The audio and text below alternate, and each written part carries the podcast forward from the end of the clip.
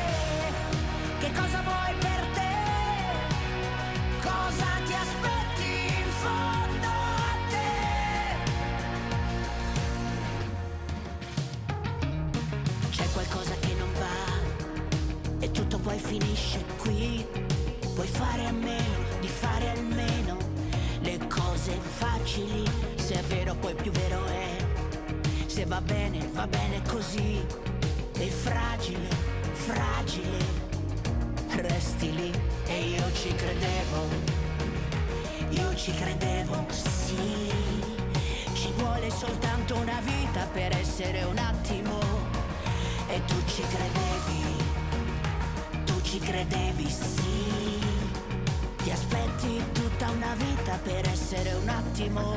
Che cosa vuoi da me? Che cosa vuoi?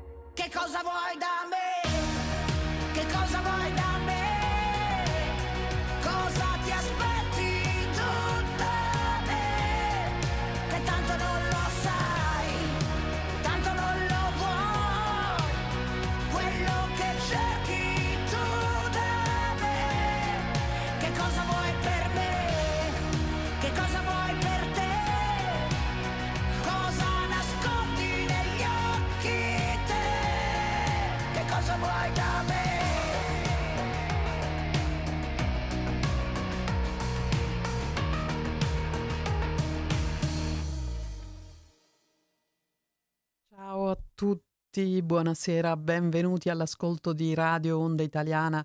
Questa è Libera la Radio da Amsterdam e in studio con voi oggi Silvia Terribili. E oggi avremo un programma di informazione e di musica italiana e vi faccio ascoltare delle canzoni che probabilmente non ascolterete eh, sicuramente in Olanda, in nessun altro canale olandese, forse in Italia sì eh, chissà, speriamo, ma in ogni caso in Olanda eh, no. Eh, il tema di oggi è, è, l'economia, in particolare parliamo del debito. Ehm, sappiamo tutti che in questo momento si stanno svolgendo molti, ehm, molti dibattiti in seno all'Eurogruppo eh, questo organo praticamente informale, che poi dopo da questo organo informale escono fuori delle decisioni formalissime. E l'Europa e l'Eurozona, insomma, ha un po' di, un po di, un po di problemi perché eh, assistiamo a, questo, a, questa catastrofe che è stata la, eh, l'emergenza corona un po' in tutta Europa. Come si fa a uscirne fuori? Alcuni paesi escono più facilmente, altri meno. Eh, L'Italia ha dei grossi problemi, ma ha dei grossi problemi soprattutto perché si insiste nel cercare una soluzione nella, eh, nella eh, allacciare nuovi debiti, stringere nuovi debiti, che siano con il meccanismo europeo di stabilità, che siano con i vari fondi, BEI, SURE, con il Recovery Fund, con la Next Generation EU, sono tutti eh, fondi che danno dei prestiti e l'Italia, visto che è in debito, non deve prendere nuovi prestiti. Ma quale potrebbe essere una soluzione? Eh, più tardi vi leggo una proposta che nasce da un gruppo di economisti, ma anche di giornalisti o giuristi, e che è proprio una possibilità per ehm, per trovare una soluzione, eh, per trovare una soluzione questo, al problema ecco, di rilanciare l'economia italiana, eh, di rilanciarla però senza indebitarsi nuovamente perché il debito è comunque sbagliato sempre perché ci sono degli interessi, ci sono delle condizionalità e invece bisogna trovare altre soluzioni. Vi ho fatto ascoltare in ehm, in esordio, Loredana Bertè in Cosa ti aspetti da me, eh, sempre graffiante, sempre, sempre, cattiva questa Loredana Bertè con la sua voce veramente che sembra ehm, carta vetra quasi, però bella, direi bella da ascoltare e adesso ci ascoltiamo invece qualcosa di più gradevole, Raffaele Gualazzi e il brano si intitola Carioca.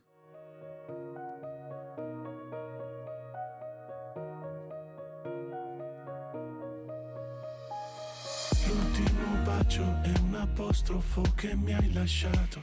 Non ci sei più e sono in un angolo tirando il fiato. Io che con te ho sorriso e pianto fino a non vedere. La nostra storia è stata un salto, io non so cadere.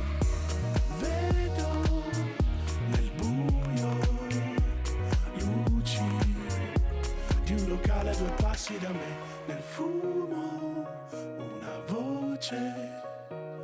mi sospira dai balla con me. Occhi scuri e pelle carioca. Carioca.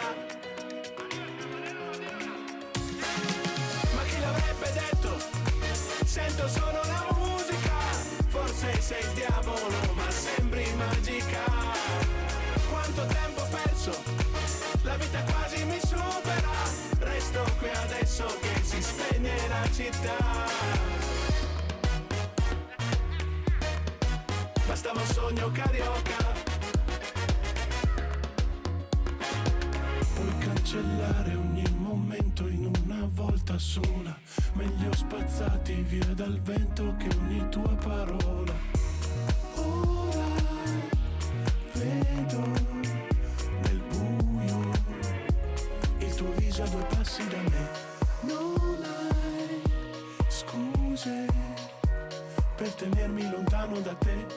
Occhi scuri e pelle carioca.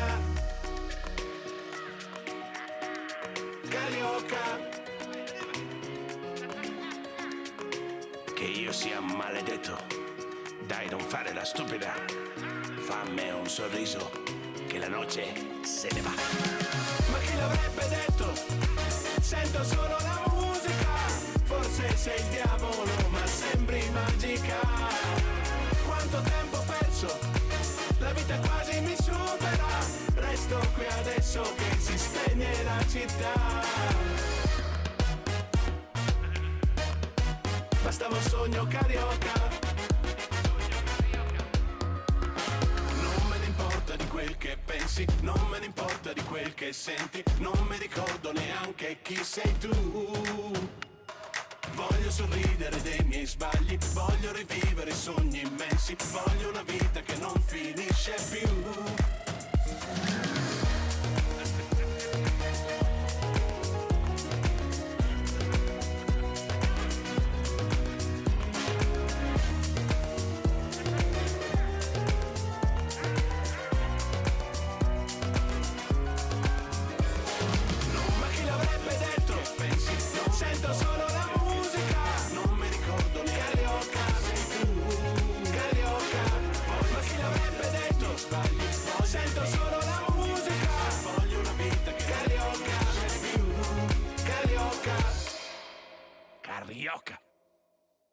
Questo era Rafael Gualazzi in Carioca. E veniamo al tema di oggi, quindi eh, dicevamo l'economia, in particolare la nazionalizzazione del debito. Questa è la proposta di un gruppo di economisti capeggiati da, eh, da Guido Grossi, da ehm, Alberto Michalizzi, ehm, e sono degli economisti che parlano appunto di una possibilità per l'Italia. Vediamo che in questo momento eh, i più grandi paesi d'Europa, come la Francia e la Germania, immettono cifre enormi nella loro economia e questo perché? Perché bisogna uscire fuori da questa eh, terribile... Eh, da questa terribile crisi, da questa catastrofe che, stato, che sono stati i lockdown per le economie di tutta l'Europa, di tutto il mondo, ma in particolare se guardiamo all'Europa ehm, quali possono essere le soluzioni? Quindi quelle che, che, che, mm, che attuano Francia e Germania, quindi ehm, immettere enormi cifre eh, di miliardi nell'economia per farla ripartire. Tra l'altro la Germania ha abbassato di tre punti l'IVA e quindi questo, questo mostro un po' che è l'IVA, no? perché eh, grava per 21-22%, si tratta di percentuali altissime eh, su fatturati non estremamente eh, alti, mh, si tratta di, di, di, tanti punti, è importante. Eh, la Germania abbassa l'IVA, perché non lo fanno anche altri paesi? Perché non possono farlo? Eh, da poco è stato lanciato il cosiddetto piano Colau. Colau è un sì, è il, c'è il capo eh, dell'amministrazione, il direttore eh, amministrativo di, eh, di, compagnie internazionali come la, la Vodafone e, e, Colau ha lanciato questo piano, ma questo è un piano naturalmente mm, interessante per le multinazionali o per, per l'alta finanza, ma un piano mh, mm, disastroso per l'Italia. In questo piano si parla di privatizzazioni di tutti i servizi, si parla di svendita delle, dei gioielli di, di famiglia come sono le, eh, le società eh, nazionali o con componente nazionale come Eni, Finmeccanica. Insomma, immaginiamo ecco, che in Olanda qualcuno proponesse di, di svendere la, la, KLM, insomma, non credo che nessuno sarebbe d'accordo.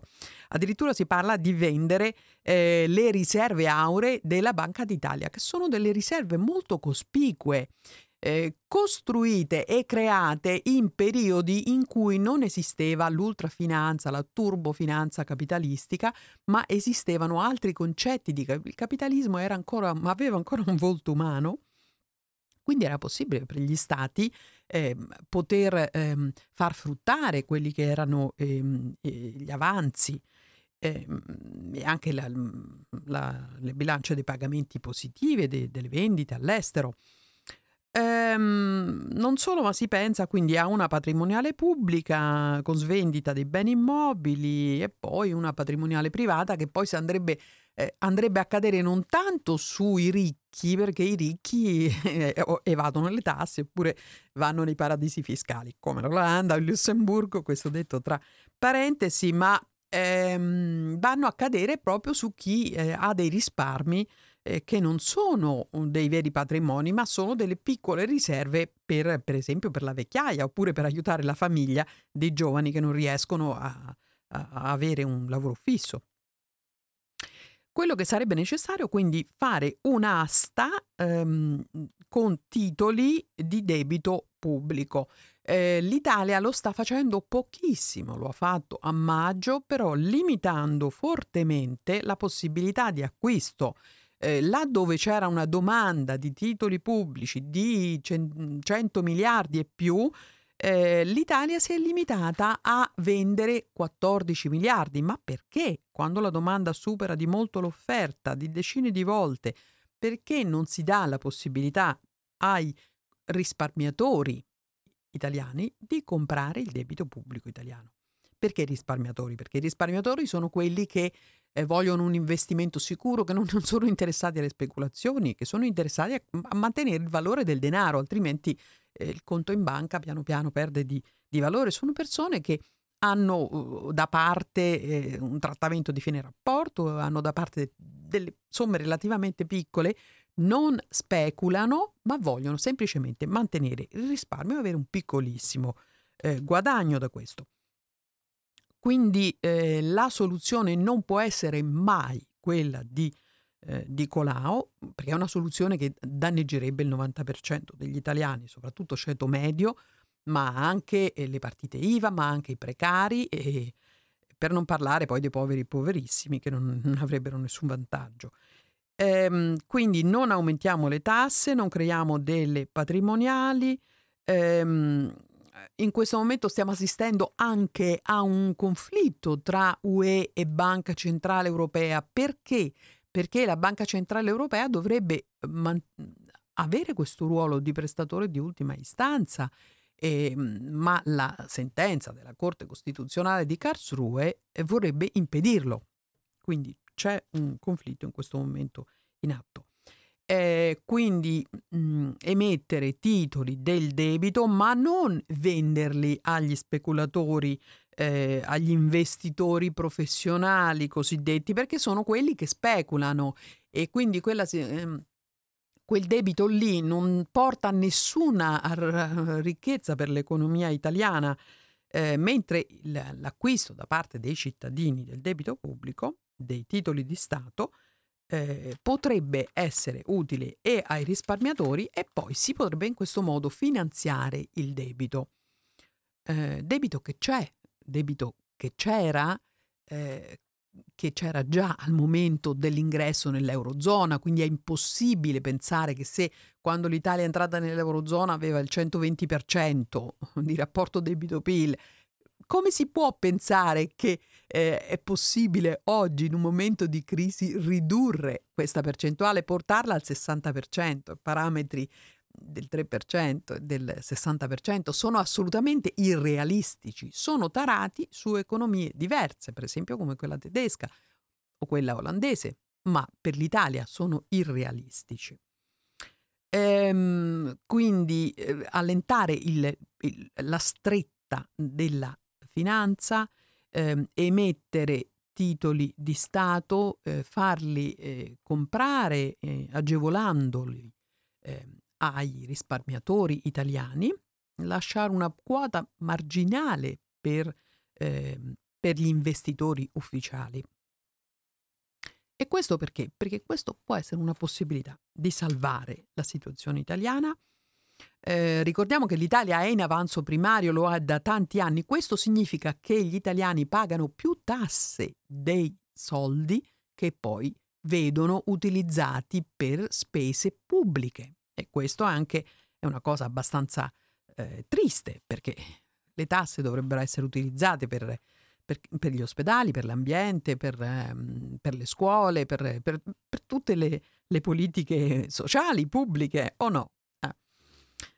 Poi naturalmente c'è tutto un discorso sul, um, sulla questione dei derivati, ma um, ci porta troppo in là per questa volta. Quindi io direi di fermarci per ora qui vi faccio ascoltare così tanto per spezzare un po' eh, il clima ehm, più impegnativo, ehm, vi faccio ascoltare Frick Anthony, un grande, ehm, purtroppo scomparso da qualche anno. Frick Anthony ci presenta il brano assolutamente provocatorio e divertente Porto Dio Frick Anthony degli Schiantos.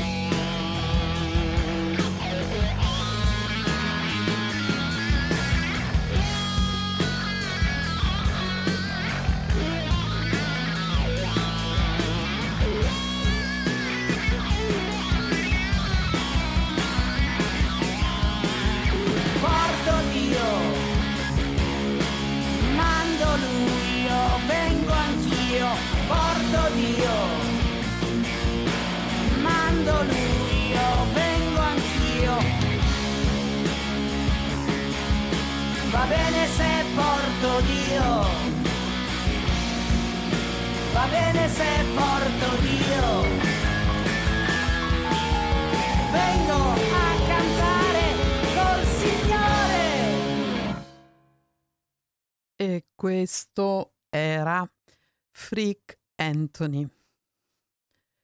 Freak Anthony nel brano Porto Dio, quindi lui voleva andare a Sanremo e però gli hanno detto no, ma tu non funzioni, devi fare questo, devi fare quest'altro, insomma lui alla fine dice vabbè, mm, devo portare una grande star, devo portare qualcuno perché io non porto abbastanza, mm, non ho abbastanza glamour e dice porto Dio, insomma Dio andrà bene, no? Bellissimo. E mm, sì, a questo punto direi di ascoltare invece un altro brano di Sanremo, di una che è andata a Sanremo e l'hanno, l'hanno presa diversamente dal povero Frick Anthony. E mm, Rita Pavone, il brano è Niente. Niente, qui non succede proprio niente. E intanto il tempo passa e se ne va. Meglio cadere sopra un'isola, un reality che qualche stronzo voterà niente. Adesso non ricordo niente. Fammi sentire che sapore ha.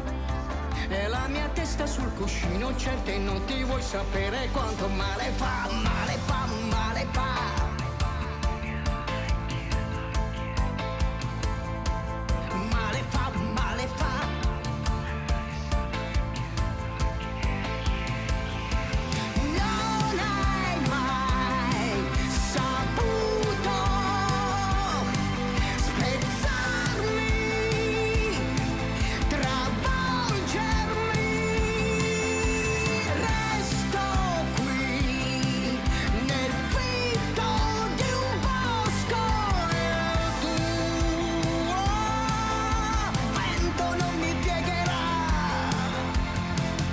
non succede proprio niente.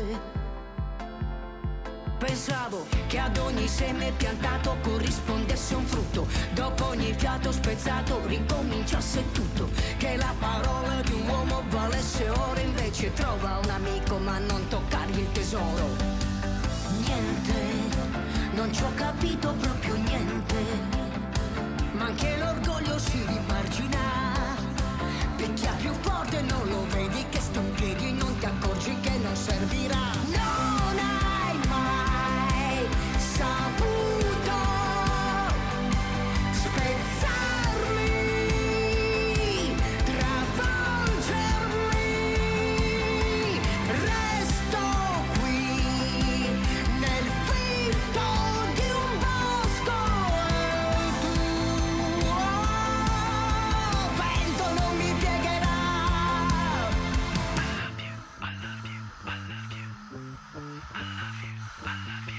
Love you. E allora do il benvenuto al professor Adriano Mazzarella in linea. Mi sente? La sento benissimo. Buon- buongiorno, come va? Come va? Come, Tutto bene, tutto come siamo bene. a Napoli? Che tempo fa a Napoli? Te- adesso è leggermente nuvolo, però diciamo che eh, siamo nel periodo del trapasso tra l'estate e la primavera, quindi molto instabile.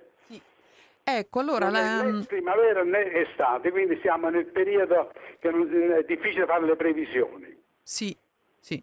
L'ultima volta che ci siamo sentiti eravamo nel pieno della, sì, della crisi da riscaldamento climatico. Sì, sì. Eh, che cosa abbiamo, ehm, abbiamo visto in questi mesi di lockdown in cui gli aerei praticamente sono stati a terra, l'inquinamento... Eh, che cosa avete visto? permesso Di Sì, scaricare i dati di Mauna Loa, eh, la stazione più, eh, eh, che in funzione dal 1958 eh, re- relativamente alla registrazione della CO2 la famigerata eh, fa- anidride carbonica. Ebbene, che cosa ho visto? Mi sono scaricato proprio questi dati da gennaio per sicurezza, ho fatto anche il 12 in- eh, da, da da ottobre 2019 a tutt'oggi, laddove ci dovrebbe, ehm, visto che non funzionano gli aerei, le industrie hanno lavorato mm, molto poco, il traffico automobilistico è venuto completamente meno, eccetera, mi aspettavo una riduzione della quantità di mm, CO2 emessa. Ebbene, la quantità di CO2 mese per mese è aumentata nello stesso modo degli anni scorsi. Non c'è stata una diminuzione. Ma questo è questo veramente un dato incredibile. Incredibile. Mm. Poi mi sono rivolta a Monte Cimone. Vuoi vedere che la- la- le Hawaii A- a cosa? A qua- a cosa Monte si- Cimone è una stazione A Montecimone, sì, sì. eh, che si trova dice, mm, in Piemonte e, dal 1980 mm, lavora e registra anche i dati di CO2. Ebbene, anche Monte Cimone misura dati continuamente crescenti. Allora mi sono chiesto, ma scusa, non c'è nemmeno un, un mese che si riduce, nulla. Il mese di febbraio, di se vuole gliele leggo, sono espressi in parti Sì, per milioni. sì, sì, sì, Allora, sì, me le li, ce li lega pure, sì. Sì, sì. 413, 414, 415, 416, 417 maggio. Una continuazione. Vado a vedere nel passato, sempre con questo in più, diciamo, un, un- un non decimale, in più un, da, eh, diciamo, da 411, 13, 14, 15, 16, qui c'è stato questo aumento che è monotonico, diciamo, dicono i matematici, in quanto è costante. Sì. E allora che cosa può essere successo? Dici che la CO2 sarebbe dovuta diminuire? Io sono rimasto, diciamo, di- eh, sorpreso di questo. Ebbene, rimango sempre di quell'idea. La- perché, diciamo, succede questo? Con l'attività solare, che è particolare in questo periodo di tempo, la temperatura del mare cresce. Crescendo la temperatura del mare, la legge di R, la solubilità dei gas all'interno del gas diminuisce, quindi la CO2, che è l'ossigeno lo stesso che sta nel mare, invece di essere solubile va nell'atmosfera. Quindi la causa non è la CO2, la CO2 aumenta per altri fatti. Non so se mi sono spiegato. Sì, sì, sì, sì, Eh, questi sono dati innegabili sì. E nessuno ne parla. Tanto è vero, io con il mio collega ho detto aspettiamo un altro poco, facciamo un po', passiamo giugno e facciamo poi un lavoretto scientifico. Beh, voglio capire qual è l'errore. Nemmeno, nemmeno un decimale che diminuisce, perlomeno potrebbe rimanere costante. Nulla, ogni mese aumenta di quel centesimo, ta, ta, in continuazione. sì. È, è strano che non se ne parli per niente. È strano che non se ne parli. Mm. È molto strano, ma nessuno ne parla. Sì. Io rimango, io ma com'è possibile? Può darsi che loro diranno no, ma ci vogliono 5-6 mesi, 10 mesi, questa è la risposta che generalmente danno al fine di ottenere una pausa della crescita. ma eh, a tutt'oggi non esiste, anzi è identica agli anni scorsi. Se lei vede da settembre del 2018 fino a maggio 2019 lo- la stessa cadenza, è un orologio. Sì, sì. Ecco, questo mi, pre- mi premeva di dirle questo fatto qui. Ma questa è una cosa veramente molto interessante. Quello Molto che, st- interessante. che stupisce è che a livello di, ehm, di meteorologi mh, non, non se ne Eh, parli. eh, eh, Ne parlate tra di voi, tra colleghi? Sì, ne parliamo. La gente ormai, eh, eh, poiché è diventata una, una religione, il fatto che la CO2 sta aumentando a causa della forsennata produzione dell'uomo, le persone, ho la sensazione, hanno timore di esporre questo concetto. Almeno in Italia, io accendo la televisione, ma è una cosa incredibile. Tutti quanti ormai danno per scontato eh, eh, l'aumento, cioè la- la- il fatto che l'uomo sta distruggendo il pianeta. Non lo glielo voglio dire, ma anche Sua Santità, il Papa, dice le stesse cose, che distrugge la casa del Signore, ma è possibile una cosa del genere? Ma, ma mi rimango allibito che purtroppo è, è un, è un periodo che eh, si vive con questa religione della CO2, quindi, bisogna, quindi la gente un po' ha paura di dirle queste cose. Sì. Per quello che riguarda però le temperature, ecco, che cosa, che cosa avete notato a livello di Abbiamo notato temperatura? C'è ancora un aumento, un leggero aumento di temperatura. Del 2019 è stato eh, più caldo del 2018, il- ma di poco, di qualche decimo di grado. Io parlo a livello eh, globale. Eh, quindi c'è questo aumento di temperatura. Non c'è, mm, non- non c'è stata la pausa del 2005, 2006, 2007, allora quando c'è stata una pausa. Invece c'è un aumento leggerissimo, però che è costante. Sì, ma negli ultimi mesi avete notato qualcosa? Ripeto, No. mh, febbraio, No, no, sono stati mesi più freddi o, o come l'anno scorso? Allora io in questo momento, ieri mi è arrivato un lavoro del professore Morner, uno svedese, casomai glielo posso passare Sì, dopo. sì, sì, mi interesserebbe molto, sì. persona, eh, Sì, se mi manda il link, in- eh, sì, con molto piacere. No, no, Lo glielo leggo. do il lavoro perché non lo sono scaricato, glielo passo. Sì. Ha avuto gli ingombri tutti. Praticamente stiamo uscendo fuori dalla- dal caldo.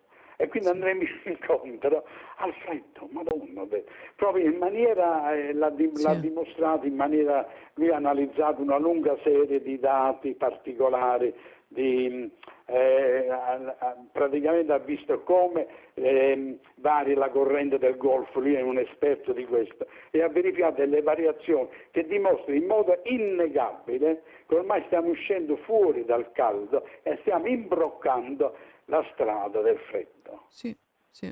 Però eh, questo è, è, diciamo, è un lavoro unico, nel senso che non se ne parla perché eh, tutti gli altri sono contrari. Gli altri cosa fa? fanno? I modelli matematici. sì. I Le- modelli matematici, una volta impostati, il modello matematico è figlio di chi lo fa. Se io intendo far di- aumentare la temperatura, io sono in grado di farla aumentare la temperatura, perché aggiungo dei parametri particolari che fanno sì che, pur rispettando le leggi della fisica, ci sia un aumento di temperatura.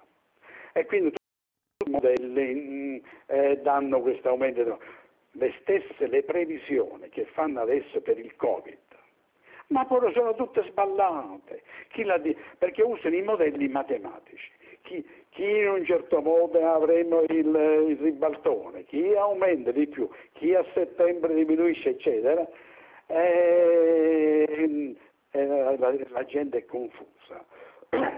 Insomma, sono Io i mi sono pronostici del Totocalcio. Sono i modelli matematici. Allora, alcuni, sono i modelli non hanno poco a che fare con la fisica. Allora uno imposta il modello e per esempio hanno detto che quest'estate, questo io ce l'ho scritto tutto, ci sarà un'estate terribile. Da- per il caldo? cognome. Per il- per il caldo? Tra- eh, beh, l'estate in Italia è un'estate unica. Mese di giugno stiamo Sarà 4 un'estate terribile perché sarà molto caldo? o- molto calda. Ah, ah. Nel mese di giugno è una bellezza, si sta, cioè Sì. siamo 5 gradi al di sotto della media mensile. Sì, sì. Può darsi che in seguito, non lo voglio dire, in seguito ci sarà l'aumento.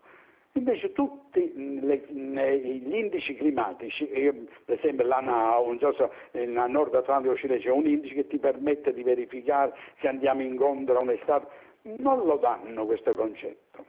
No. E, e sarà un'estate calda, ma non esageratamente calda. No, Tutti, ma tutti davano per scontare nel mese di gennaio un'estate terribile. Poi, accoppiato al fatto che noi dobbiamo stare sulla spiaggia con la benda, sarà ancora più terribile. Quindi, però fino adesso sono completamente smentite queste previsioni. Sì, sì. Almeno qui in Italia sta piovendo, più non, non tanto a Napoli, che si ferma nella, nella regione Lazio, ma eh, sta piovendo tanto di quella pioggia che fino a poco tempo fa si diceva che il fiume Po doveva scomparire. Si ricorda? Sì, sì, Adesso sì. sta a tre metri al di sopra, quindi praticamente ognuno dice le cose su, fa le previsioni una volta, la natura prima o poi, un giorno o l'altro, si ripiglia tutto quello che non ha dato prima, quindi bi- bisogna avere la eh, vedere eh, la natura sotto una forma di equilibrio. Del, mm, e quindi diciamo alla fine si ripiglia, eh, vi- viene ritorno a tutto quello che prima non c'era. Sì. Eh, noi abbiamo assistito qui in Olanda e questi mesi di lockdown sono stati eh, com- mm, anche questi molto più freddi del normale e la Ah, temperatura è stata... e con ehm, cielo sempre sereno, però la temperatura ovviamente di più fredda del certo, normale. quindi Di Tan- notte avrà fatto molto freddo. non freddissimo, però comunque al di sotto, de- Al di molto sotto delle più bassa di quella dell'anno scorso. sapevo. Sì, più bassa dell'anno scorso e si vedeva, si vedeva che le piante stavano molto meglio, cioè i fiori meglio, sì. resistevano più a lungo, mentre l'anno Sì. scorso, praticamente maggio, sono Sì. stati mesi tro- molto molto caldi, con il cielo quasi sempre coperto da un po' da questa lanugine eh, Sì, che, sì, sì, sì. che blocca. sì. Sì, sì, sì, che bloccava sicuramente e invece quest'anno abbiamo visto dei cieli bellissimi. Adesso purtroppo sa cosa ci dicono, eh, mh, però vi dovete preparare a, a- a- a di- a dire addio a questi bei cieli perché ricominceranno a volare naturalmente gli aerei e ricominceranno a, Eh, a offuscare il cielo. Il colore del cielo dipende appunto da questi corpuscoli Sì. eh, che ci si chiamano i nuclei di condensazione. Quando eh, sono piccoli allora abbiamo il cielo azzurro, ma quando incominciano a ingrossarsi con tutti i materiali di scala degli aerei soprattutto, il cielo assume quell'aspetto lattiginoso dovuto al fatto che i raggi luminosi non subiscono la rifrazione in un senso o in un altro, ma vengono diffusi comunque e quindi esce la luce bianca Sì, il sì. ecco. Così come a Napoli ho dovuto scrivere un articolo su Repubblica, il mare è diventato azzurro perché ci manca l'inquinamento.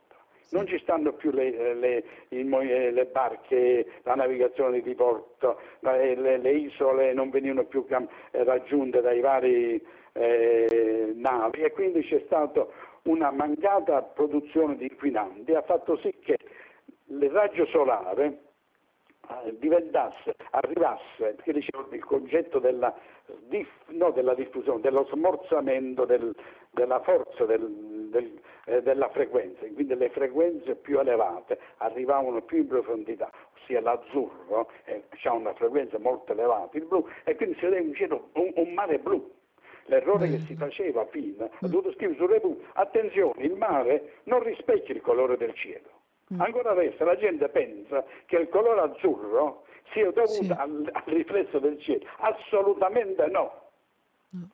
Quando ci stanno gli inquinanti, addirittura il mare assume un colore giallo, come il mar giallo, perché esistono degli inquinanti particolari che met- evidenziano il giallo. Ecco, diciamo, eh, quindi eh, il mar giallo però per- è naturale a causa dei suoi sedimenti particolari che poi fanno sì che il mare diventa giallo. Ma quando ci mancano eh, gli inquinanti, il, mare diventa azzurro.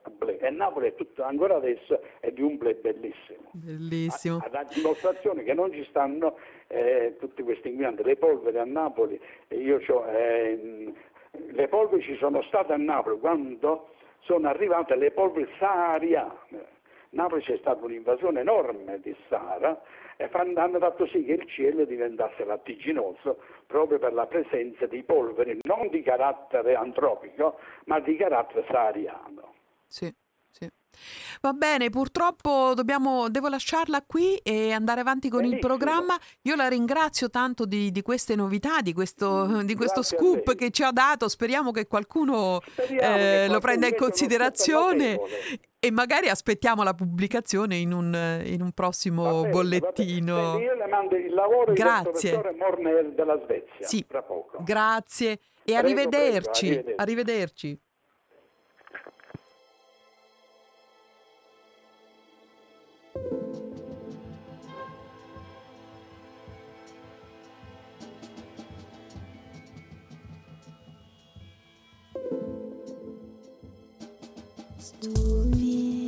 E abbiamo ascoltato il professor Adriano Mazzarella, un esperto nel fatto di clima, di meteorologia, e, mm, che ci ha dato questa notizia veramente molto interessante che mm, io non ho sentito da nessun'altra parte, eh, della- eh, del continuo aumento della CO2 eh, nonostante questo lockdown mondiale che ha atterrato, praticamente ha messo a terra tutti gli aerei, quindi ha azzerato la produzione di inquinanti, però non ha ridotto la, eh, la percentuale di CO2. Questo è un dato molto interessante. E poi anche eh, le notizie che riguardano il riscaldamento climatico oppure il raffreddamento climatico. Insomma, dovremmo veramente sapere qualcosa di più in merito.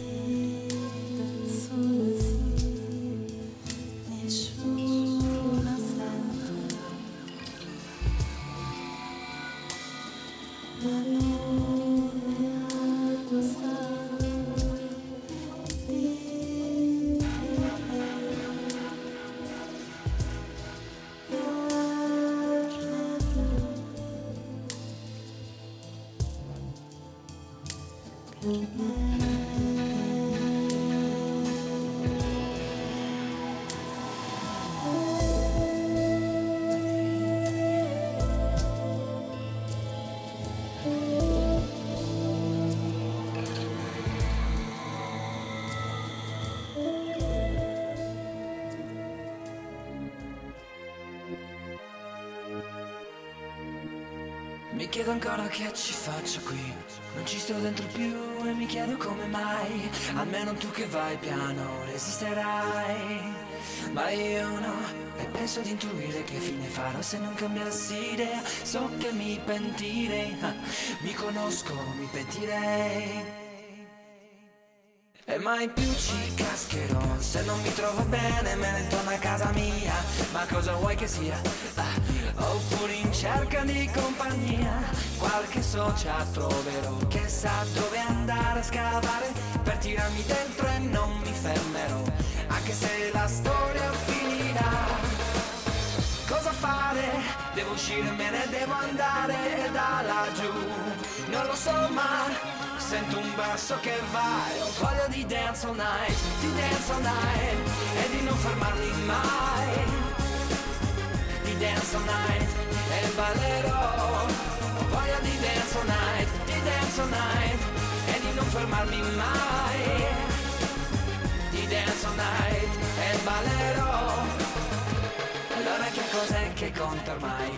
Il quieto vivere oppure come stai? Comunque una risposta io ce l'avrei, ce l'avrei E credo che la strada sappia esattamente chi sei e chi nel letto stanotte vorrai Con chi ti strofinerai e mai più ci cascherò Se non mi trovo bene me ne torno a casa mia Ma cosa vuoi che sia?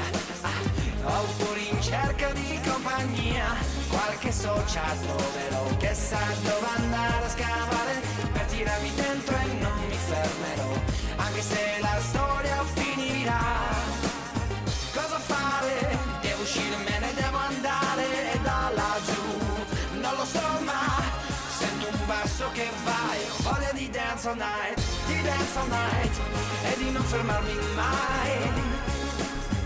we dance all night. E ballerò, voglia di dance all night, di dance all night, e di non fermarmi mai.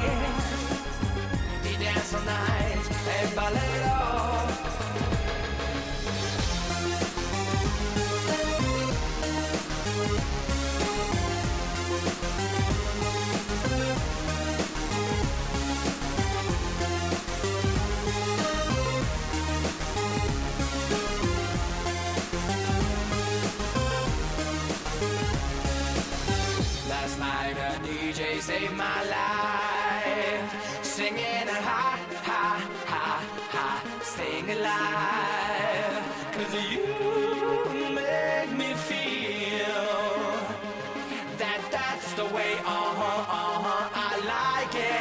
pulling me down tonight. Last night, the DJ saved my life, singing it high.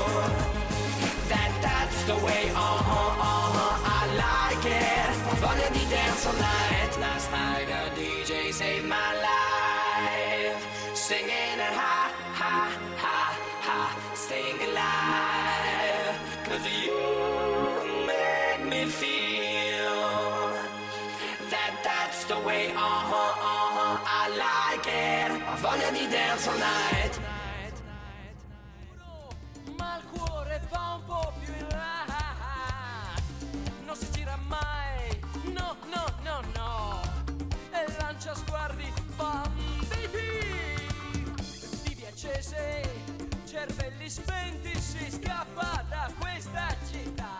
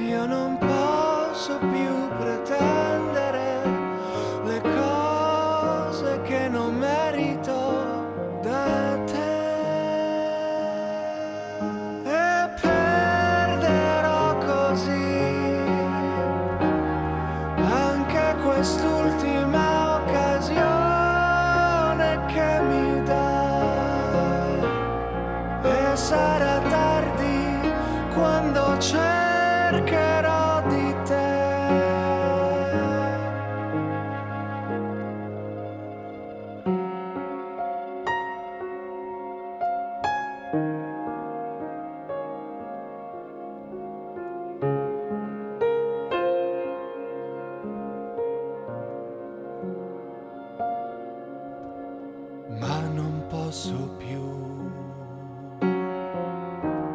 chiederti tempo per cambiare, perché sarebbe inutile, sarebbe solo... per...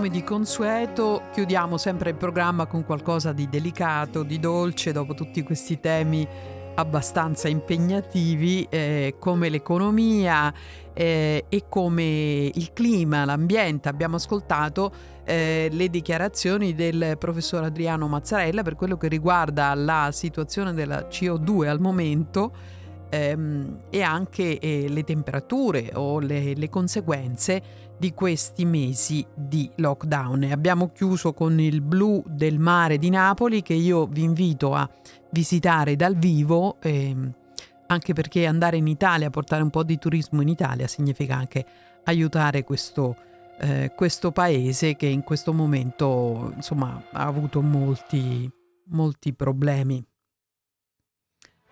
Eh, io vorrei a questo punto salutarvi eh, ricordarvi sì, i temi di oggi erano l'economia, quindi la nazionalizzazione eh, del debito ehm, come soluzione ai problemi eh, italiani per quello che riguarda eh, una rinascita economica e abbiamo anche parlato di clima, di ambiente, vi ho fatto ascoltare della musica che non ascoltate, credo, da nessun'altra parte qui in Olanda. Eh, canzoni nuove ma anche canzoni belle di, d'artista, d'autore. Eh, questa era Radio Onda Italiana, libera la radio da Amsterdam e ci sentiamo la prossima settimana, sempre alla stessa ora, dalle 20 alle 21 il mercoledì sera. Vi ricordo anche il programma del lunedì sera eh, di musica ribelle con Sebastiano Gentile e Stefano Bocconi. Vi ricordo anche i programmi di Francesco Gentile, uno scienziato calvo sotto la doccia e, e poi tutti i nostri programmi. Quindi ascoltateci, ehm, ascoltate e guardate la radio. Ciao a tutti da Silvia Terribili.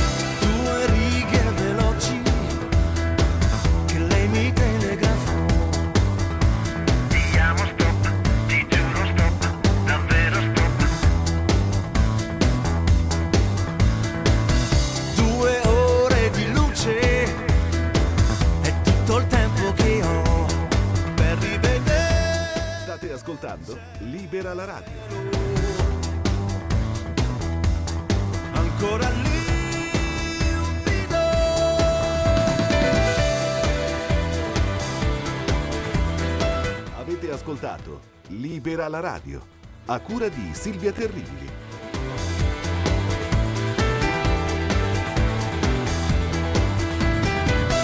È chiaro, mi piace la sua sinteticità, è una promessa implicita. Avete ascoltato Libera la radio, a cura di Silvia Terribili.